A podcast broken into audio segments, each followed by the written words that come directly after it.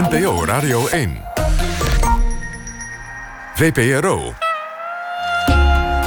Nooit meer slapen.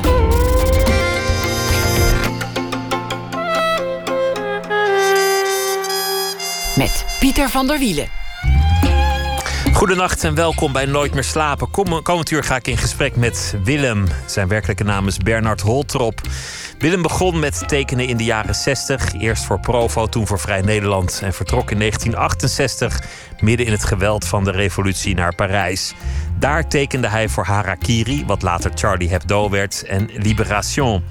Cartoonist of krantentekenaar, zoals hij zelf het liever noemt. Hij was in 2015 eh, op weg naar de redactie in Parijs van Charlie Hebdo. Toen daar tien leden van het team werden vermoord door moslimradicalen. Willem is altijd stug doorgegaan met tekenen vanuit West-Frankrijk, waar hij woont op een eiland. En hij heeft nu een nieuw album, De Nieuwe Avonturen van de Kunst. En de kunst is dan een hoofdpersoon, zoiets als Kuifje. Hij begeeft zich op een vrolijke manier in de geschiedenis van de moderne kunst. Hij is duidelijk een liefhebber, maar spaart niets of niemand en drijft met plezier de spot met de wereld van de kunst. Bernard Holtrop, gentleman anarchist, geboren 1941 en nog altijd woonachtig, dat zei ik al, in Frankrijk. Willem, hartelijk welkom. Wat leuk dat je, dat je er bent. Dag. Het is me genoeg je te, te mogen ontvangen hier in deze, in deze studio. Weer in het land, ja. Ik, ik heb het, eh, het, het, boek gelezen met veel plezier. En, en wat me opviel is dat je aan de ene kant heel veel weet van de geschiedenis. Ook wel duidelijk een, een liefhebber bent van, van de kunst. Maar tegelijk er ook wel genoegen in schept om er af en toe de spot mee te drijven met, met de wereld eromheen. Ja, dat hangt vanaf van wie. Eh, als de kunstenaars wat uh, pretentieus zijn, dan maak ik ze graag een kopje kleiner, ja. Dat is, dat is eigenlijk wat je in al je werk doet. Mensen die zichzelf op een te hoog voetstuk plaatsen. Ja. Ja. Die, die, die, mogen wel een tik hebben. Ja, ze, uh, daar uh, ben je tekenaar voor. Ja. Je hebt een aantal kunstenaars onder de loep genomen. En er is inderdaad nogal wat pretentie in de wereld van de kunst. Uh, ja, mensen die zich al te serieus nemen, daar ben ik niet zo dol op. Maar er zijn ook mensen die ik, die ik bewonder, die ook in het boek komen. Zoals, of, hoe heet die? De, de, de stoel van de stijl Rietveld. Rietveld? Ja, ja, ja. Dat vind ik een goeie. En ja, het zijn een heleboel. je, je, kent de geschiedenis ook goed? ik heb me er wel eens wat een beetje in verdiept, ja.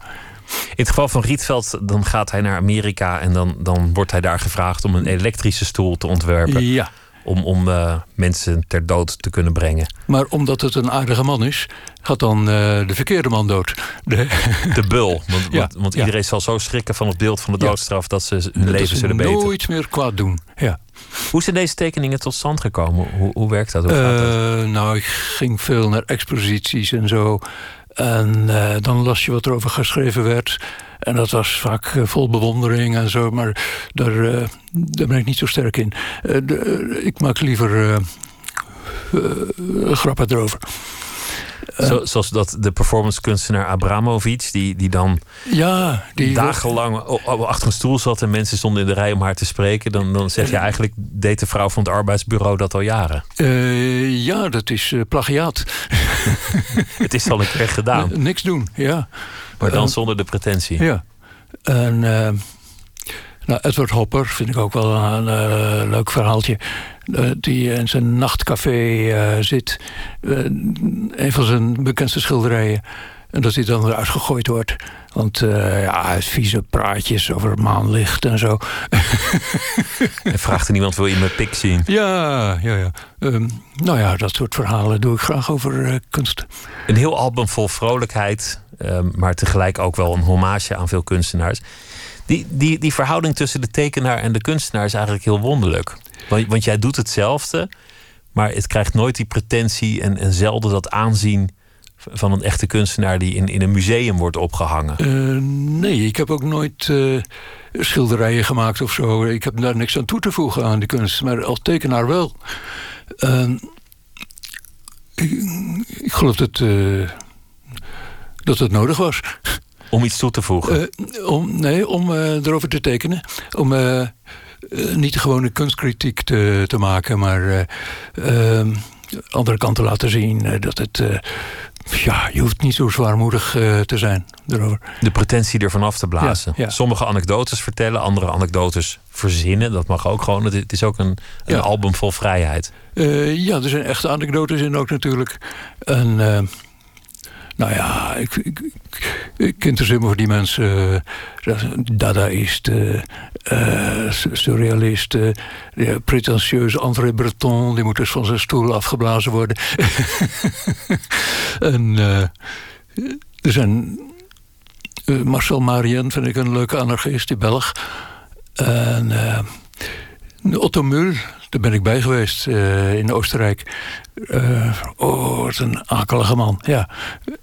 Want jij, jij ging in, in de jaren zestig naar, naar de kunstacademie in de tijd dat heel veel kunstrevolutie daar, daar plaatsvond. En, en dat, dat heel veel ja, nieuwe, uh, nieuwe stromingen zich aandienden. Ja, een goede leraar was Henk Peters van de Nulgroep. In, uh, was in Arnhem. En uh, die leerde dat, dat kunst kon iedereen maken, wat hij deed. En op een gegeven ogenblik heeft hij ook al zijn objecten bij de vuilnis neergezet. En toen hij later weer een expositie kreeg, liet hij het opnieuw maken door, door studenten. Want dat kon iedereen. dat, daar heb ik veel van geleerd. Het was ook de tijd, en dat komt ook in het album voor, dat bijvoorbeeld een kunstenaar zijn eigen fecaliën verpakte in een blik. Manzoni. En dat, Manzoni. En ja. dat verkocht als een kunstwerk. Uh, ja, dat was, was toevallig een vriend van Peters ook. Kortom, de, de kunst moest helemaal anders. En we Ja. moesten de, de kunst bevragen. Wat is het eigenlijk? Waarom lopen we zo weg met bepaalde Ja, werken? de- Waarom is het zoveel geld waard? Ja, de masker af. Ja. En dat was begin jaren zestig. Wilde je toen zelf nog kunstenaar worden toen je, toen je naar de kunstacademie ging? Ik wilde eigenlijk moppentekenaar worden, maar eh, mijn familie eh, vond het natuurlijk niet zo serieus. Toen ging ik naar de kunstacademie en zei: nou, moppentekenaar, nee, grafisch ontwerper. Eh, oh, klinkt. Dat klonk veel deftiger. Eh, maar daar ben ik nooit geweest. Moppentekenaar, noem, noem je het nog steeds zo eigenlijk? Wat je nou, doet? strips maak ik ook. eh, en eh, ja, politieke tekenaar, krantentekenaar, ja. Maar, maar dan kwam je op die kunstacademie. Wat, wat, wat, gebeurde daar dan? Heb je aanvankelijk ook echt met een, met een kwast geprobeerd om, om doeken te maken of, of installaties? Nee, eh, lettering deed ik graag. Eh, ja, illustraties hoort er ook wel bij. Maar ja, daar ben ik niet zo sterk in. Je wist eigenlijk al wat het ging worden. Ongeveer, want eh, ik, eh, ik had een paar lifttochten naar Parijs gemaakt. En daar zag ik dan leuke bladen en gekke tekenaars. En dacht ik, dat is eigenlijk mijn toekomst. Dat moet het worden. Ja. Wa- Wanneer ben je begonnen met tekenen? Wanneer maakte je je eerste prenten? Nou, zoals elk kind, als je een jaar of twee, drie bent. Hè? Zo, zo jong al. Nou, elk kind tekent toch? Ja, ja, natuurlijk, Ja. Maar, maar niet ieder kind gaat over op prenten en, en, en humor. Nee, maar eh, het is een eh, goede manier om te communiceren. Omdat ik nooit een eh, sterke prater ben, dan doe ik het met tekening. Dat is jouw manier van Ja. communiceren met de wereld. Ja. Aan, aan de, op, op de voorkant van, van die Nederlandse editie van dit album. Op de Franse editie staat Jezus Christus, als ik, als ik me goed herinner. Mm, ja, ehm, want e- er was eerst een editie in Frankrijk met de- dezelfde voorkant. Maar toen, eh, een aantal jaren later, waren er veel meer pagina's bij. Dus we een tweede editie gemaakt. Er moest een andere cover op. En ja, wie is er nou net zo bekend als Hitler? Dat is Jezus. Dus toen werd dat Jezus. En, eh, maar hier, wij krijgen gewoon Hitler op de, Eh, op de, ja. de kaft. Want het schijnt dat boeken met Hitler op de cover eh, ver- verkopen goed. Nou, dan moet, je, dan moet je dat altijd doen, lijkt me. Ja, ja, ja. Het is ook wel toepasselijk, omdat Hitler in veel van die, van die blaadjes terugkomt. Of het ja. nazisme in ieder geval, Ja. het fascisme Ja, in ieder geval. En het speelt ook wel een grote rol in jouw jeugd en, en op, opgroeien. Eh, ja, dat, eh, ik ben in de oorlog geboren. Hè? Dan, eh, hoor je er altijd verhalen over die tijd. Als, als jongetje. Van wie hoorde je die verhalen? Een familie. En dan ging je spelen in het bos. Ik was geboren op de Veluwe. En dan vond je wel eens een moffenhelm of zo. Ja, dat is... Het was nog heel tastbaar natuurlijk. ja, ja, ja. En jou- jouw vader was, was huisarts. Ja, in Ermelo. En een man van het verzet ook. Eh, ja, hij werd opgepakt en in een kamp gestopt. En eh dan kwam er weer uit. Welk kamp was dat? Vught. bij Den Bosch. Geen pretje lijkt me. Om, daar Eh, gevangen te zitten. Dat is al het minste wat je ervan kan zeggen. Ja, Heeft, heeft hem dat, heeft hem dat geraakt? Heeft, heeft hem ja dat natuurlijk. Ja, ja, ja, ja, ja. Dat neem ik wel aan. Tenminste, ik was drie jaar toen hij eruit kwam. Dus ja. Maar, maar was dat merkbaar? Was het een getraumatiseerde man? Oh, eh, we hadden het er wel vaak over die tijd natuurlijk. En dat, dat heeft me een beetje gevormd, denk ik. Of misvormd. Wa- wat zei hij dan? Eh, verhalen, eh, hoe het, het toeging daar in het kamp. Dat elke ochtend werd er iemand uit de cel gehaald om doodgeschoten te worden. En ze dan vroegen zich af wie er er morgen aan de beurt. Dus hij heeft er jarenlang in angst moeten leven. Eh, niet jaren, eh, zo lang was het niet, maar eh, hij heeft wel in angst geleefd. Ja, dat heeft hem wel aangepakt. En hoe, hoe heeft dat jou gevormd? Dat, dat weet ik niet. Ja, dat heeft een bepaalde houding eh, gegeven, denk ik, in mijn leven. Ja. Tegen eh, eh, slechte mensen. En ook misschien wel tegen gezag. Want, want, want in je hele leven, die tekeningen richten zich, zoals je net ook al zei, altijd wel tegen mensen die zichzelf te Ja. groot maakten of boven een ander stelden. Ja, natuurlijk. Ja. Daar, eh, dat is mijn leven lang geweest, ja. En ik wil niemand onder mij en niemand boven mij. Iedereen moet op gelijke hoogte Ja. staan. Zo is het. Zoals in Frankrijk altijd zeggen, ni Dieu, ni maître. Niet Dieu, niet maître, ja. ja. Eh, oh, niet Dieu, eh, nou, eh, nee. Liever niet. Dat uh, interesseert me niet zo erg. Nee. Maître, ja, daar ben ik... ja. Als mensen een, een Dieu, een God nodig hebben om door hun leven te komen... dan moeten ze dat maar doen, als de anderen niet meer lastigvallen. Dat lijkt me sowieso verstandiger om anderen er niet mee lastig te Ja. vallen. Maar dat, dat schort er nog wel eens aan. Daar, daar, Ja. daar komen we nog over te spreken, vrees ik. Je, je kwam in Parijs en je zei, ik zag daar van, van, van die blaadjes. En dat, dat inspireerde jou. Je dacht, dit, dit wil ik ook. Eh, ja, dat waren interessante eh, dingen. Ciné had zijn eigen blad, Ciné Massacre.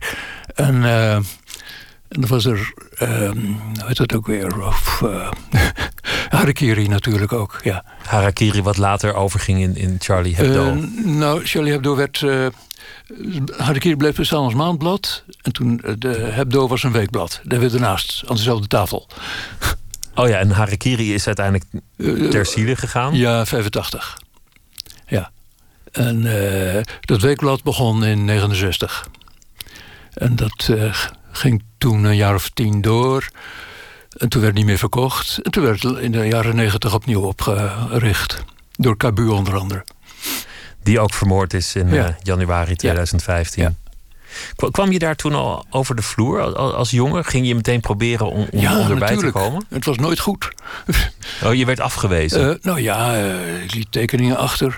En die redactiesecretaresse die zou het dan geven. En, en ik keek toe. En, en to- toen stuurden ze het me terug op mijn militaire adres. Dat vond ik heel, heel aardig. Dat zag ik toen als een soort aanmoediging. Op je militaire adres? Ja, ik was, ik was in dienst in 61. En tijdens je dienstplicht had je een, een- weekend vrijgenomen om, om, ja, eh, ja. om te kijken of je daarbij kon komen. Liften naar eh, Parijs, ja. Ik vind het een mooi groot contrast tussen, tussen het leger, toch een plek van autoriteit, gezag en hiërarchie. ja en Charlie Hebdo, wat, wat toch een anarchistische bende was. Eh, ja, ik, ik dacht, die tijd moet ik even door. Ik mocht er vroeger uit, uit de dienst, omdat ik naar de kunstacademie ging. Dat vond ik ook aardig.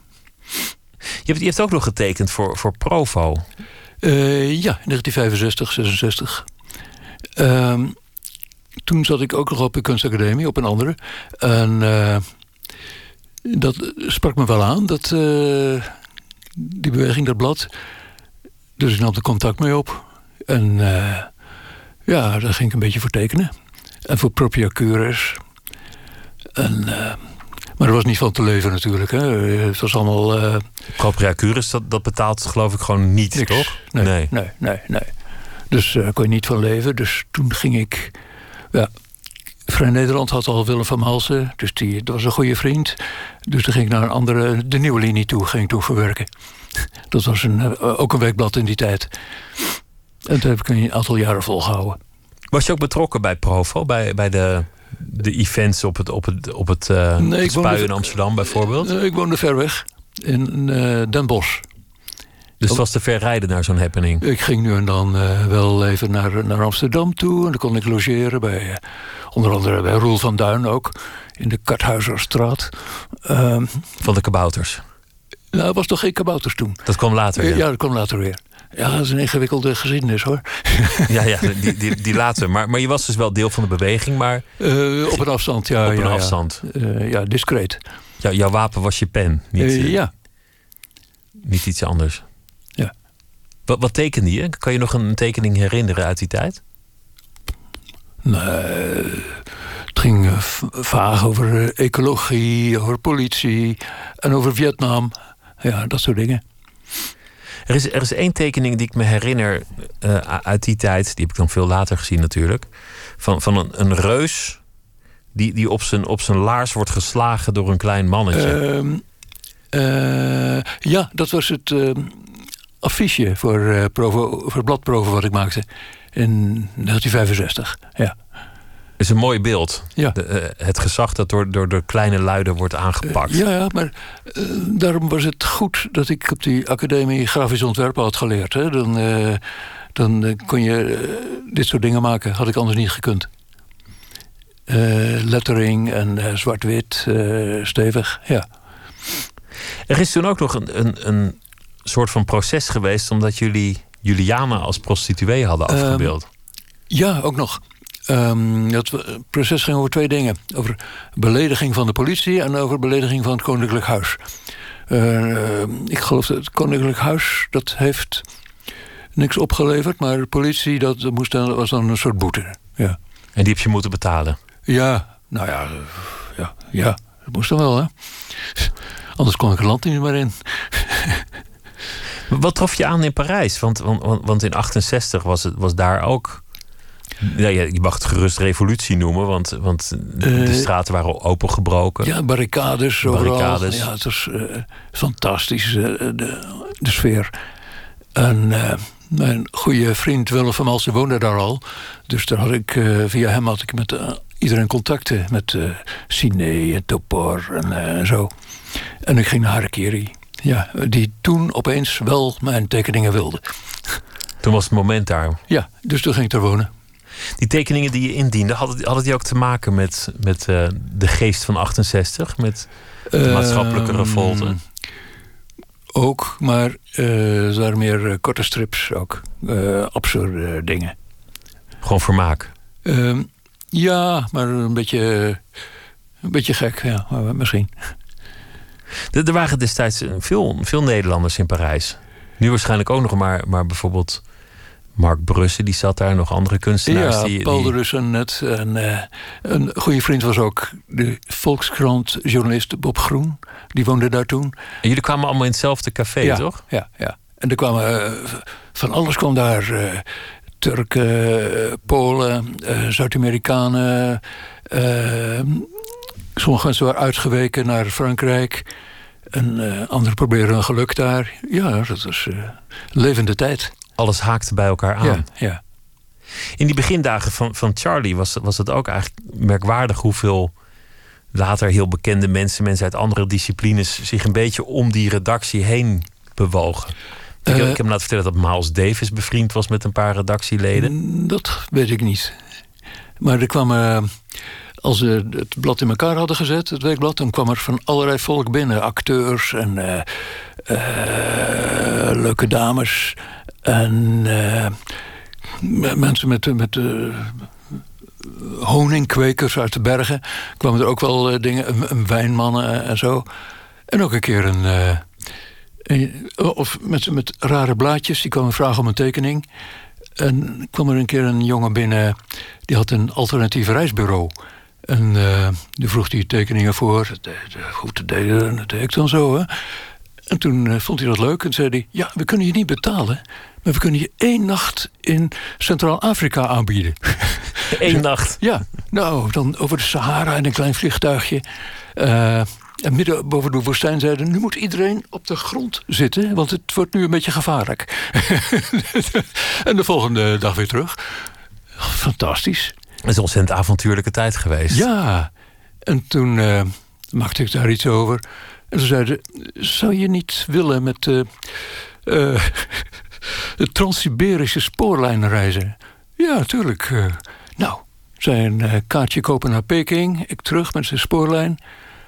En een andere keer wil je reizen in Java, waar je maar wil. Ja, tuurlijk. Ik kriskras door Java. En uh, daarna ging ze geloof ik failliet. Dat, dat reisbureau had veel reisjes weggegeven of Ja, er was ja, iets ja. anders aan de hand. Die, die redactie van Charlie Hebdo, daar, is, daar is veel over geschreven, maar eh, het is voor veel mensen moeilijk te begrijpen geweest waar dat nou precies over ging, wat, wat het voor club was.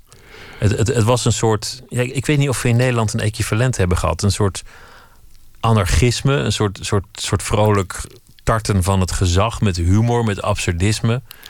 Niet gelieerd aan een politieke beweging of wat dan ook. Eh, nee, het was meer anarchistisch dan iets anders. Eh, maar eh, de directeur was een eh, oud-militair uit Vietnam. Echt waar? Ja. Hoe kwam die daar dan weer verzeild? Eh, hij was doodarm als jongen. Hij, en daar in het leger kon hij dan zijn brood verdienen. En toen werd hij eruit gestuurd en terug in Parijs was hij ook weer een halve delinquent. Maar toen ging hij bladen verkopen en toen werd Harakiri opgericht en kon hij Harakiri verkopen en werd hij directeur. Wat voor herinneringen staan je bij als je, als je het hebt over, over het maken van dat blaadje? Hoe, hoe ging zoiets? Eh, ja, ehm, ik had moeilijkheden met de Franse taal. Hè, want eh, op school wilde ik nooit eh, iets leren. Ik dacht, Frans, ik kom toch nooit in dat land. Daar zet ik nooit een voet. Dus ik ehm, sprak eigenlijk heel slecht Frans. Ehm, Dus je tekende wederom om, Ja. om te communiceren. op mijn kamertje had ik een Prisma woordenboek van 1,25 en daar, eh, daar maakte ik mijn pagina's dan mee. Eh, dus ik volgde niet zo erg de, de, de, de dialogen daar. Ik zat maar te, te tekenen. En hoe ging zo'n redactievergadering dan in zijn nou, werk? ehm, de- iedereen had al een beetje zijn pagina klaar en kwam niet mee. Maar eh, de belangrijkste was dan de voorpagina, die moest gezocht worden. Dus daar zaten we dan eh, te, te tekenen. De, de openingsprent. ja, en er waren te veel openingsprenten. Dus er werd dan een pagina met de niet gekozen openingsprenten ook gemaakt. Dat was ook best leuk. Eh, ze werden allemaal op de muur geprikt. En dan werd er één gekozen die voorop zou gaan. En dat was een vrolijke eh, tijd. Mensen kwamen muziek maken ook. Er werd gelachen, er werd gedronken, er werd gegeten. En er Ja. werd vooral Ja. eindeloos veel tegen het gezag geschopt. Want, want waar we het over hadden, van de koningin en de politie beledigd in Nederland. Dat was, was volgens mij in Frankrijk elke maand wel een keer aan de hand dat iemand woest beledigd was door, door dan wel Harakiri, dan wel Ehm, Charlie. ja, mensen uit de showbusiness ook. Ja, Iedereen moest het ontgelden uiteindelijk. ja. Niets was heilig, niemand was heilig. Nog steeds niet. Je, je bent daarna ook voor, voor Liberation gaan tekenen. Ja. eh, dat, dat, is iets heel anders. Dat is toch wel echt gewoon een, een eh, ja. serieuze krant. Ja, een politieke tekening is weer eh, ander werk. Dat moet heel onmiddellijk leesbaar zijn, zodat mensen het in twee seconden kunnen be- eh, begrijpen. Moet meteen duidelijk zijn wat je wil zeggen, wie Ja. je wil raken, Ja. waar het over Ja, gaat. en het is een halve dag werk. Maar dat betekent ook dat je het heel goed moet volgen, het nieuws. ja. Eh, ja, nu spreek ik wel een beetje beter Frans dan vroeger. Ja. Dat, dat mag wel na Ja. zoveel jaar. Ja. Een halve eeuw hebben we het over Eh, inmiddels. Ja. Maar wanneer kwam je je vrouw tegen? 69. In dat bekende café. Waar, waar jij dan zat, waar, waar eh, Ja. Paul de Luce net kwamen en al die andere. al die... Ergens, ergens in, in het zesde was het, geloof ik. ja, Rue de Seine. Ja. Saint-Germain. Hoe ging dat? Nou ja, eh, ik ging eh, zitten. eh, Naast mij was een lege stoel en daar eh, zette zij zich neer. Zoals de eerste dag in Parijs. Nou ja, we begonnen te praten, een beetje Duits, een beetje Frans. Want ze kwam uit Noorwegen. En toen hebben we wat verder gepraat. En ja, dan moest ze weer terug naar Noorwegen. Dus ik stu- stuurde haar een vies boekje toe met tekeningen. En toen stuurde zij een telegram met één woord: Kom. Zo. Dus dat deed ik dan maar. Nam ik voor de eerste keer een vliegtuig. En sindsdien altijd samengebleven. Ja, ja, ja, ja. Dat was simpel. Je, hebt uh, muziek meegebracht die, uh, die, die hoort bij jouw jeugd. En dat is uh, Little Richard. Ja. Hij leeft nog steeds ook. Dat, dat vind ik ook ja, wel leuk ja. om te vermelden. Ik weet niet wat hij doet nu, maar... dat weet ik eigenlijk ook niet. Maar... Een goede schreeuwer, ja. Hield ik van. En dit, dit is wat minder de, de rock'n'roll kant, waar, waar, die, waar die vooral beroemd mee is. Maar dit is, dit is wat meer blues, zou je het moeten, Welke? moeten noemen. Every Hour. Oh ja. Laten we, laten we luisteren. Ja.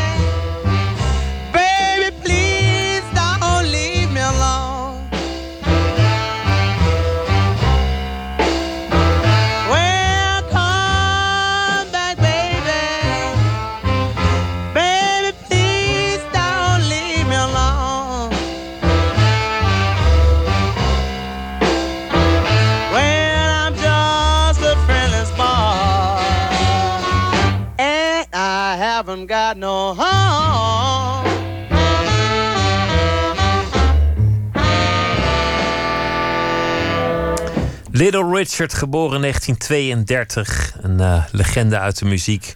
En dit nummer heet eh, Every Hour. In gesprek met Willem, de tekenaar.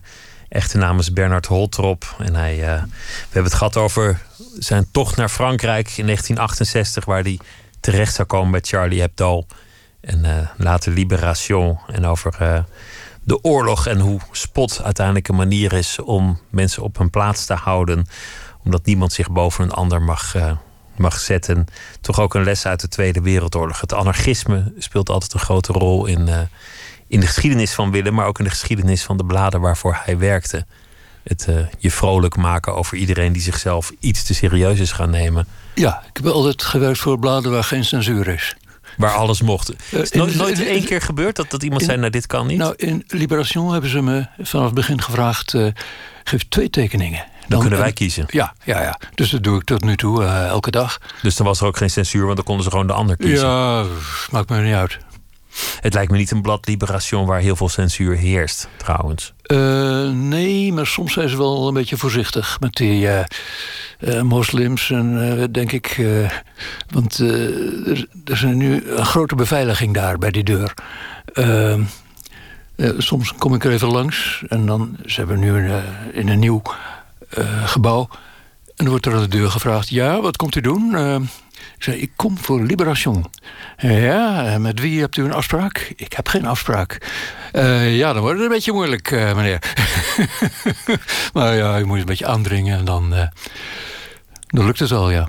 Dat zal ook te maken hebben met de, de banden tussen Liberation en Charlie. Want het, het eerste nummer na de aanslagen werd volgens mij ook gemaakt op de burelen van Liberation. Ja, ja, ja. Uh, daar die beveiligingsmensen, die kenden mij wel.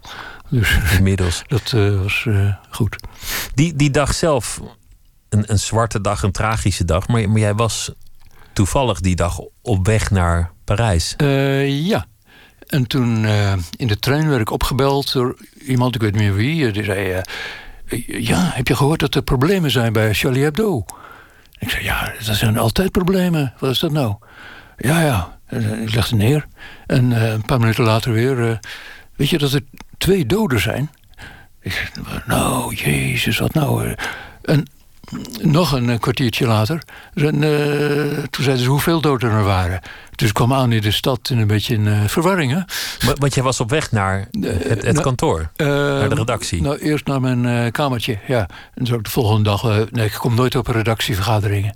Daar hou ik niet van. Dus daar was je ook nooit geweest? onder nou, normale soms toevallig even langs en dan zijn er altijd een paar die hebben uh, een groter ego dan anderen, die het hoge woord hebben. En daar ben ik niet zo gek op. En dan neem ik de post en dan ga ik naar het cafeetje ernaast. Je, je bent die dag een, een aantal dierbare vrienden verloren. verloren. Ja, ja, ja. Uh, Tinius, uh, Honoré. want als mensen die doden noemen, dan vergeten ze altijd Honoré. Heel gek. Waarom wordt hij altijd vergeten eigenlijk? hij is iets minder mediatiek dan de anderen. Daarom. En uh, de pers die uh, kijkt altijd eerst naar de namen die iedereen kent natuurlijk. Hè? En dat stonden uh, Cabu en Wolinski. Ja, ja, ja. Ehm, goed, maar dat zijn... dat is wel een groot gemis, ja. Die jongens. Jullie gingen, jullie gingen toch ook al decennia terug? Um, Cabu en Wolinski wel, ja. De andere een beetje later, ja. Kabir Walensky kende ik van Harakiri uit de jaren zestig. Wat heb je toen gedaan toen je aankwam in, in Parijs die dag? Uh, ik ging eten met mijn dochter. In een uh, restaurantje vlakbij. En er stonden journalisten allemaal voor het raam. Met, met fotografen, uh, fotoapparaten. Die hadden jou camera's. herkend? Ja, ja, ja. En toen kreeg ik een bericht van Libé. Kun je onmiddellijk komen? Een tekening maken uh, over dit. Uh, dus dat deed ik toen, uh, want het was niet ver. er stonden journalisten uit Bulgarije en overal stonden daar aan de andere kant van de straat. een heel kamp van, met camera's en zo. Is belachelijk. Ja. En ik naar binnen en tekening maken. gauw een soort ja, interview. Uh, ik had ook weinig te zeggen natuurlijk. En uh, toen uh, ging ik weer naar huis. En op drie uur s'nachts was op een, deur gebonst. En zijn er drie grote mannen. bent u meneer die? Ja. bij de politie. Wilt u bewaking hebben? Be beveiliging? Ik zei, nee, liever niet. Want, want die andere die werden doodgeschoten, maar wie eerst doodgeschoten werden, waren die politiemannen. dus, dus, als ze je echt willen pakken, dan uh, vinden ze wel een manier om je dood te maken hoor. Want, want, want Sharp, een van de leden van de redactie, die werd al onder 24 uur bewaakt. Ja, ja. en uh, toen die killers binnenkwamen, die politieman die wierp zich voor hem en die werd als eerste doodgeschoten. Dus... Ben je niet bang geweest die dag? Want, want, want je was natuurlijk een van de missende de leden. Je wist niet wie er nog meer achter die aanslagen zaten. Je was, was herkend op straat. En de jongens liepen nog rond, hè? En de jongens liepen nog rond? Ja. ja. Had je geen angst? Nee, eigenlijk niet. Nee, nee. Dat is wonderlijk achteraf gezien. Uh, ja. Ja, ik kijk niet over mijn schouder er aankomen of zo. Nee, uh, ik, ik kom ook weinig op televisie, dus ze kennen mijn gezicht niet. Denk ik. Wat, wat heb je toen getekend? Want, want Liberation vroeg je, maak nu een tekening. Je bent net vrienden verloren. Er, er is een aanslag geweest op een blad waar je ook voor werkt. Uh, ik denk dat het iemand met een Kalashnikov was of zo. Ja, ik weet niet meer precies. Maar het moet ook, ook nog een soort van ja, grappig zijn ja, op dat moment. Ja, ja, ja, ja, Dat, uh, Ik hoop dat mensen erom gelachen hebben.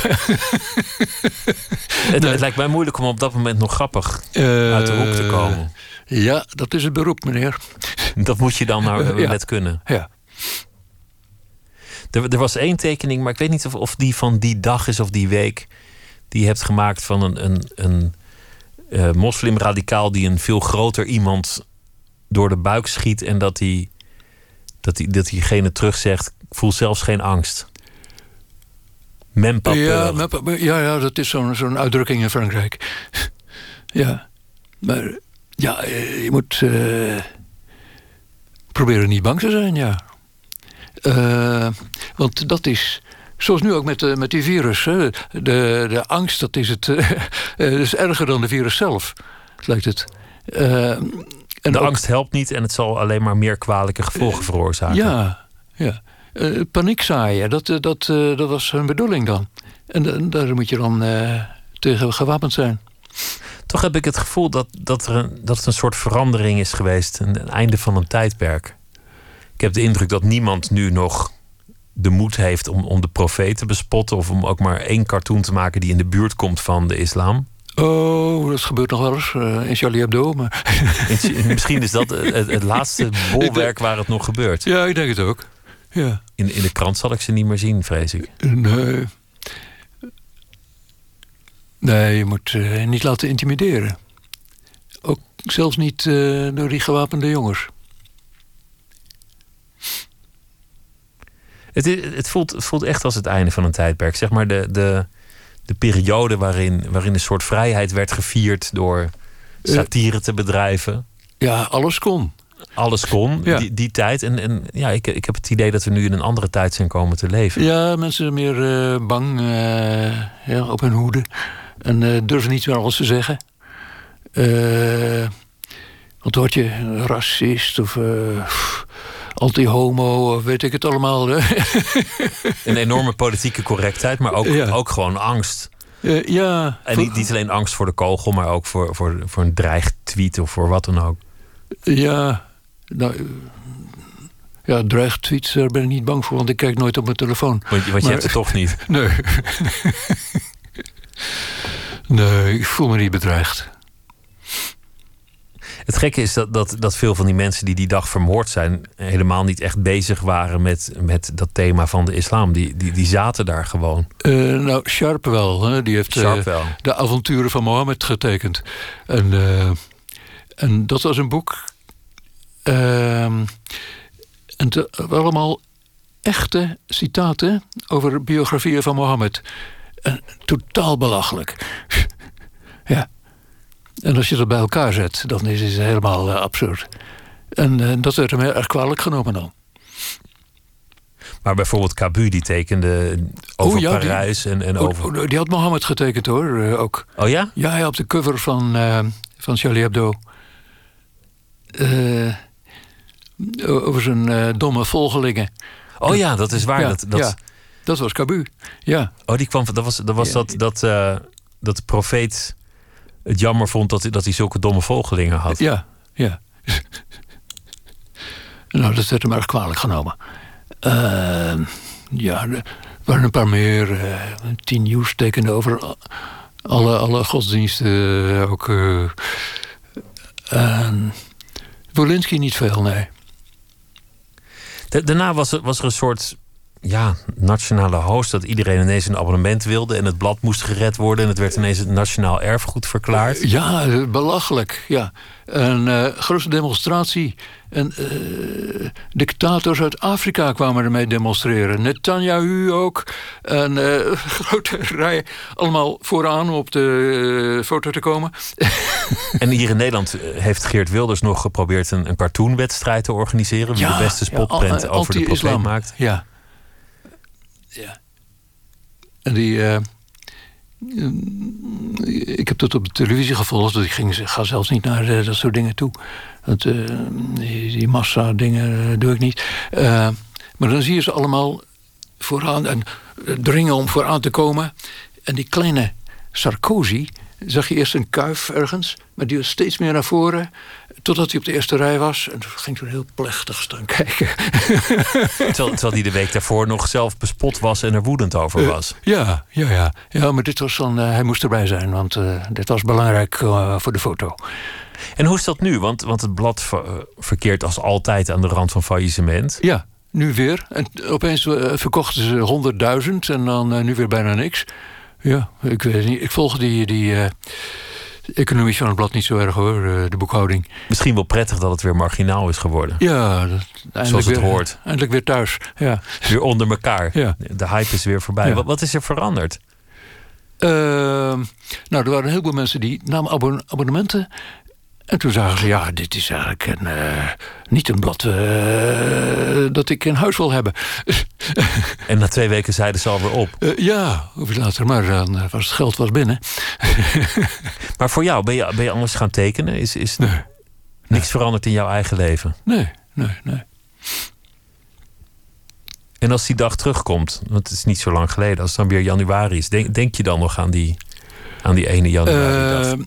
Ja, ik zag kort geleden nog uh, weduwe van een van die eh, jongens. Ja. Eh, die hebben het moeilijk, hè? Maar ja. Natuurlijk altijd dezelfde dag weer, elk jaar. Ja, dan komt dat terug. Die Ja. herinnert zo Ja, vijf jaar geleden. ja. Maar voor jouzelf is er, is er eigenlijk in die zin niet veel veranderd. Je bent gewoon weer gaan tekenen, doorgegaan Ja. met, met hoe je leven eruit zag. ja ik heb een, soort harnas eh, tegen dat soort dingen, ja. Tegen, tegen wat soort dingen precies? Angst en eh, onzekerheid. En, eh, ik, ik voel me niet bedreigd. Maar ben je, ben je niet ook vreselijk woedend? Ja, dat- vreselijk kwaad? Natuurlijk, dat, dat waren die tekeningen die ik toen maakte, net- daarna, ja. Ja, Van men pas peur, van, van jullie krijgen me niet. Ja. Dat moest toen wel, om het blad gewoon door te laten gaan... en laten zien dat, dat ze ons niet te pakken hebben. Met eh, de overblijvende tekenaars. En er zijn wat nieuwe bijgekomen. Die zijn eh, ook goed, ja. In, dat, in datzelfde jaar was je toevallig ook in Parijs op de 13e november, vrijdag de 13e. Ja, Toen, toen in de Bataclan en op de terrassen in het eh, 11e arrondissement ja. mensen, mensen zomaar dood werden geschoten. Ik, ja, mijn kamertje is in de, in, die, eh, in de buurt daar.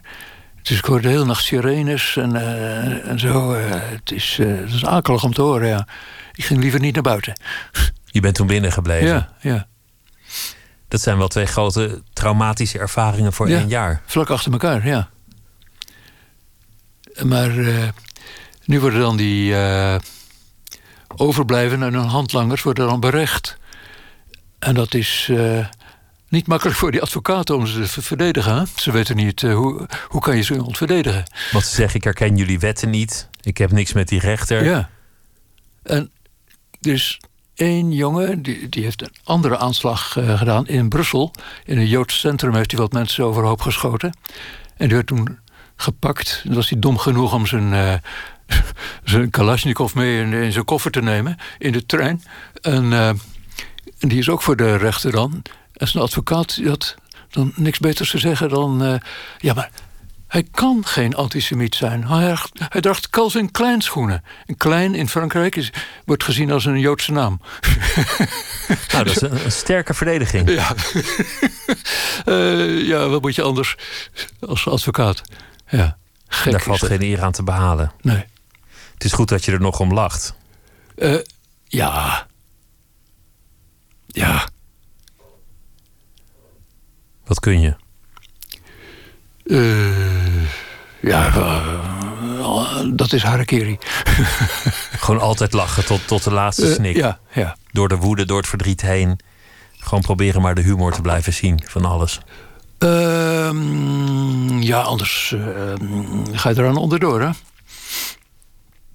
Hoe, hoe ziet jouw leven eruit? Want, want we hebben het nu over Parijs, maar jij leeft in het westen van Frankrijk, bij Bretagne, op een eiland. Ja. Met, met in de winter 2000 inwoners, in de, in de zomer wat toeristen erbij. Ja.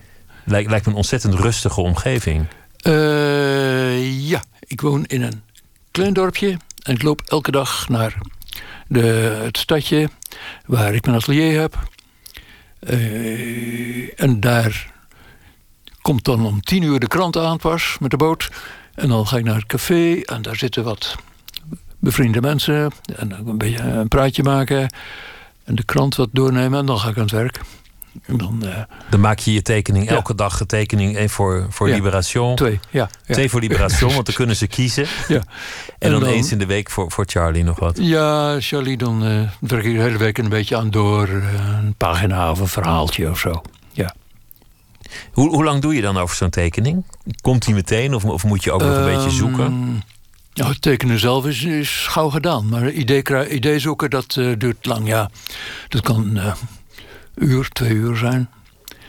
En dan eh, tekening een kwartier. En die stuur je dan Per mail. per mail op? Ja. Het, het lijkt me zo'n zo'n interessant bestaan, omdat je, dat je ook een beetje op een eiland met, met de rug naar de wereld staat. Het, het Eh, gekrakeel lijkt ver weg, omdat dat er nog die zee tussen zit. Ja, en iedereen begroet me vriendelijk, eh, met een glimlach. En eh, daar, ja, het is eh, een paradijs. Dat is ook geen plek waar je, waar je veel angst zult voelen in, in die geborgenheid van zo'n van zo'n dorp. Nee, nou in Parijs ook niet hoor. Nooit, Nee, eigenlijk. ik loop daar rustig door in de gekste straten. Ja, natuurlijk. Hoe is daar in de, in de winter, als alle toeristen weg zijn, als de, de golven hoog zijn, als de wind wat harder is? Ja, soms komt er geen boot aan. En dan ben je van de wereld afgesloten. Maar, eh, ach, je zit onder aardige mensen daar.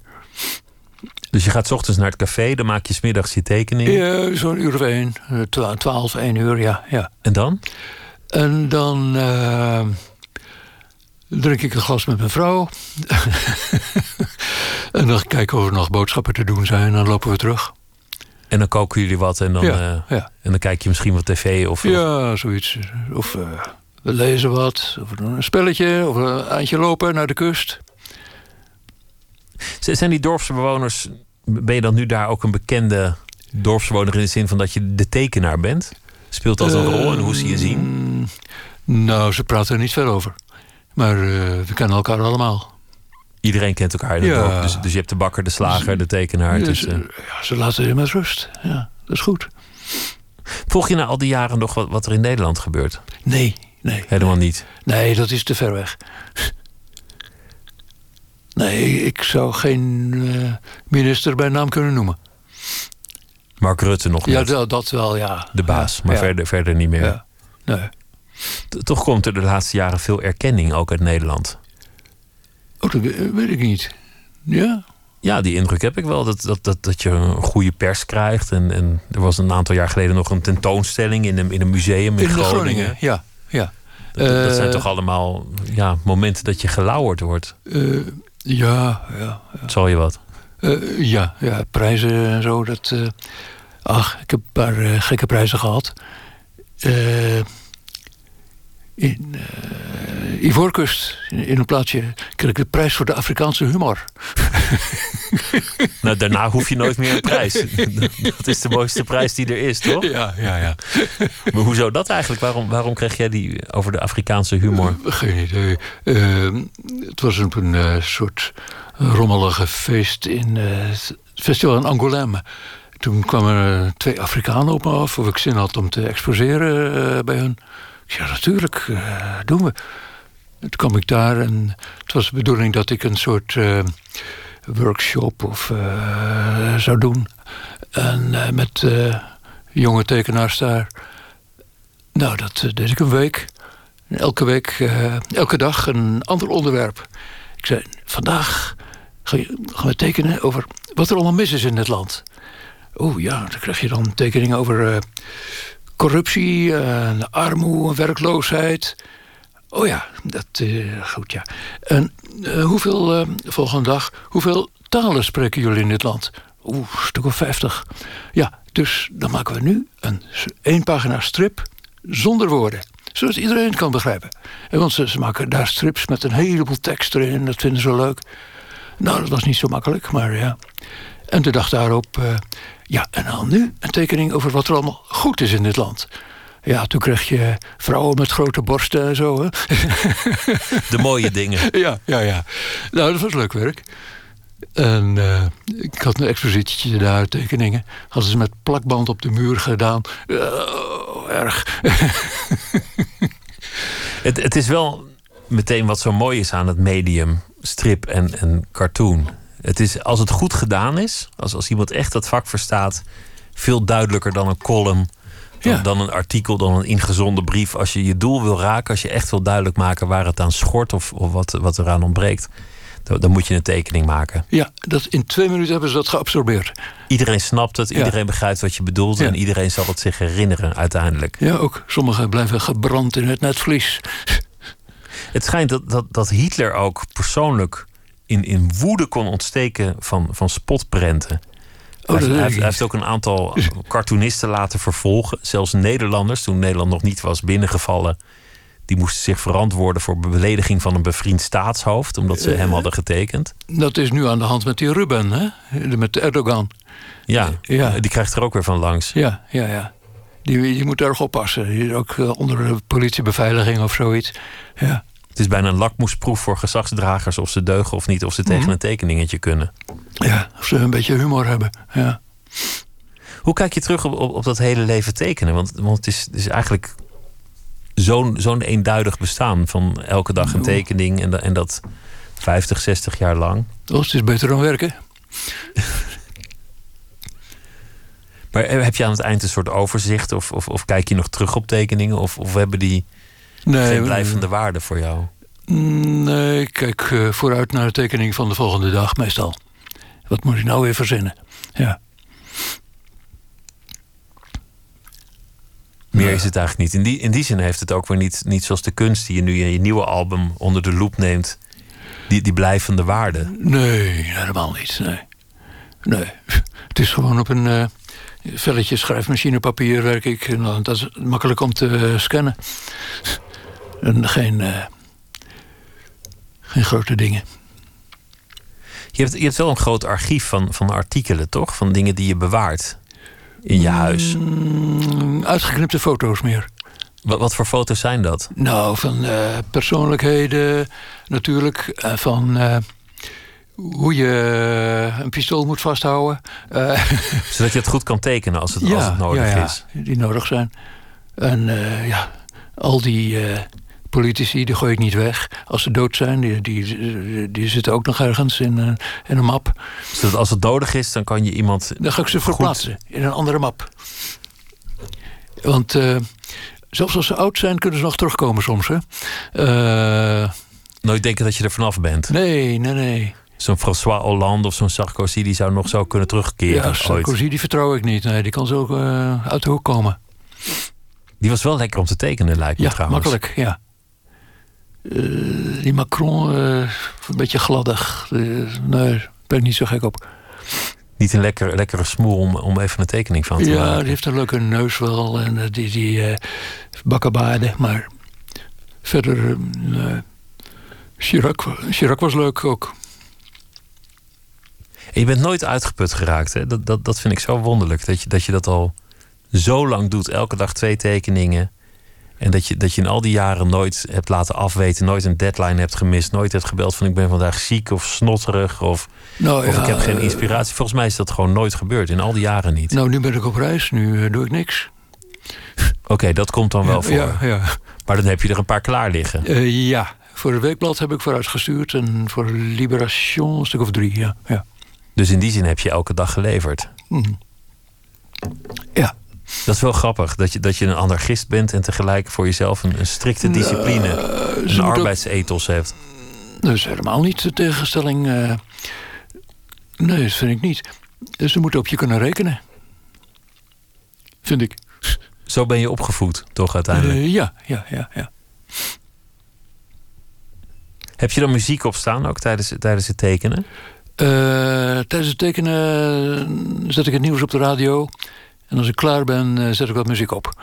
Dat is eh, jazz of eh rock and roll of eh, rhythm and blues.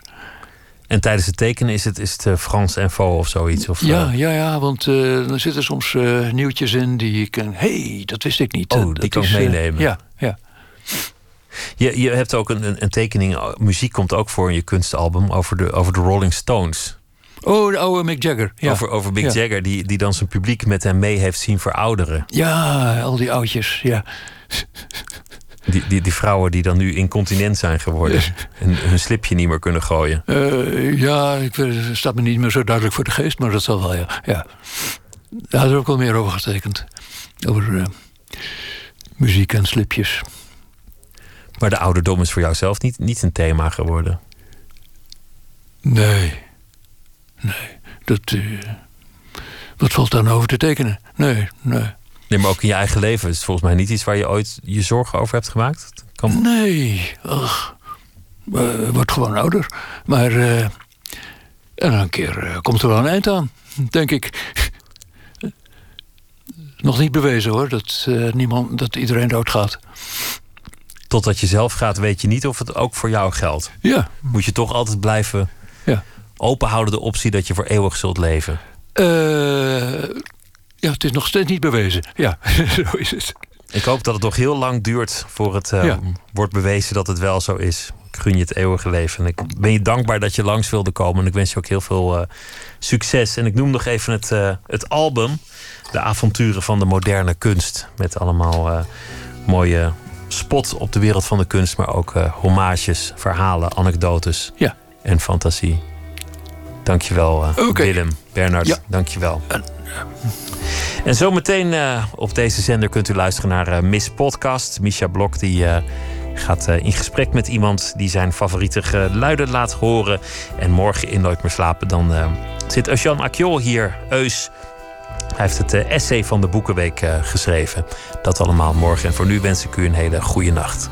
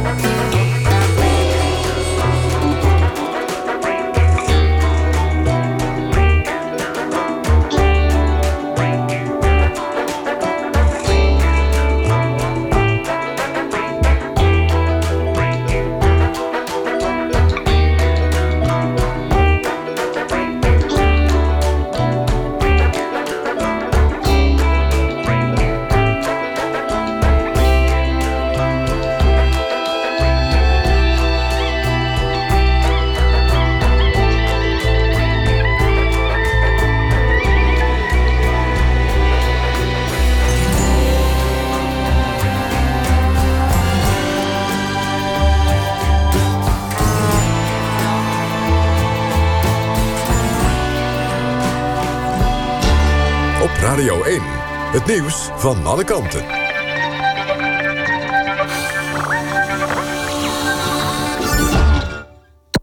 NPO Radio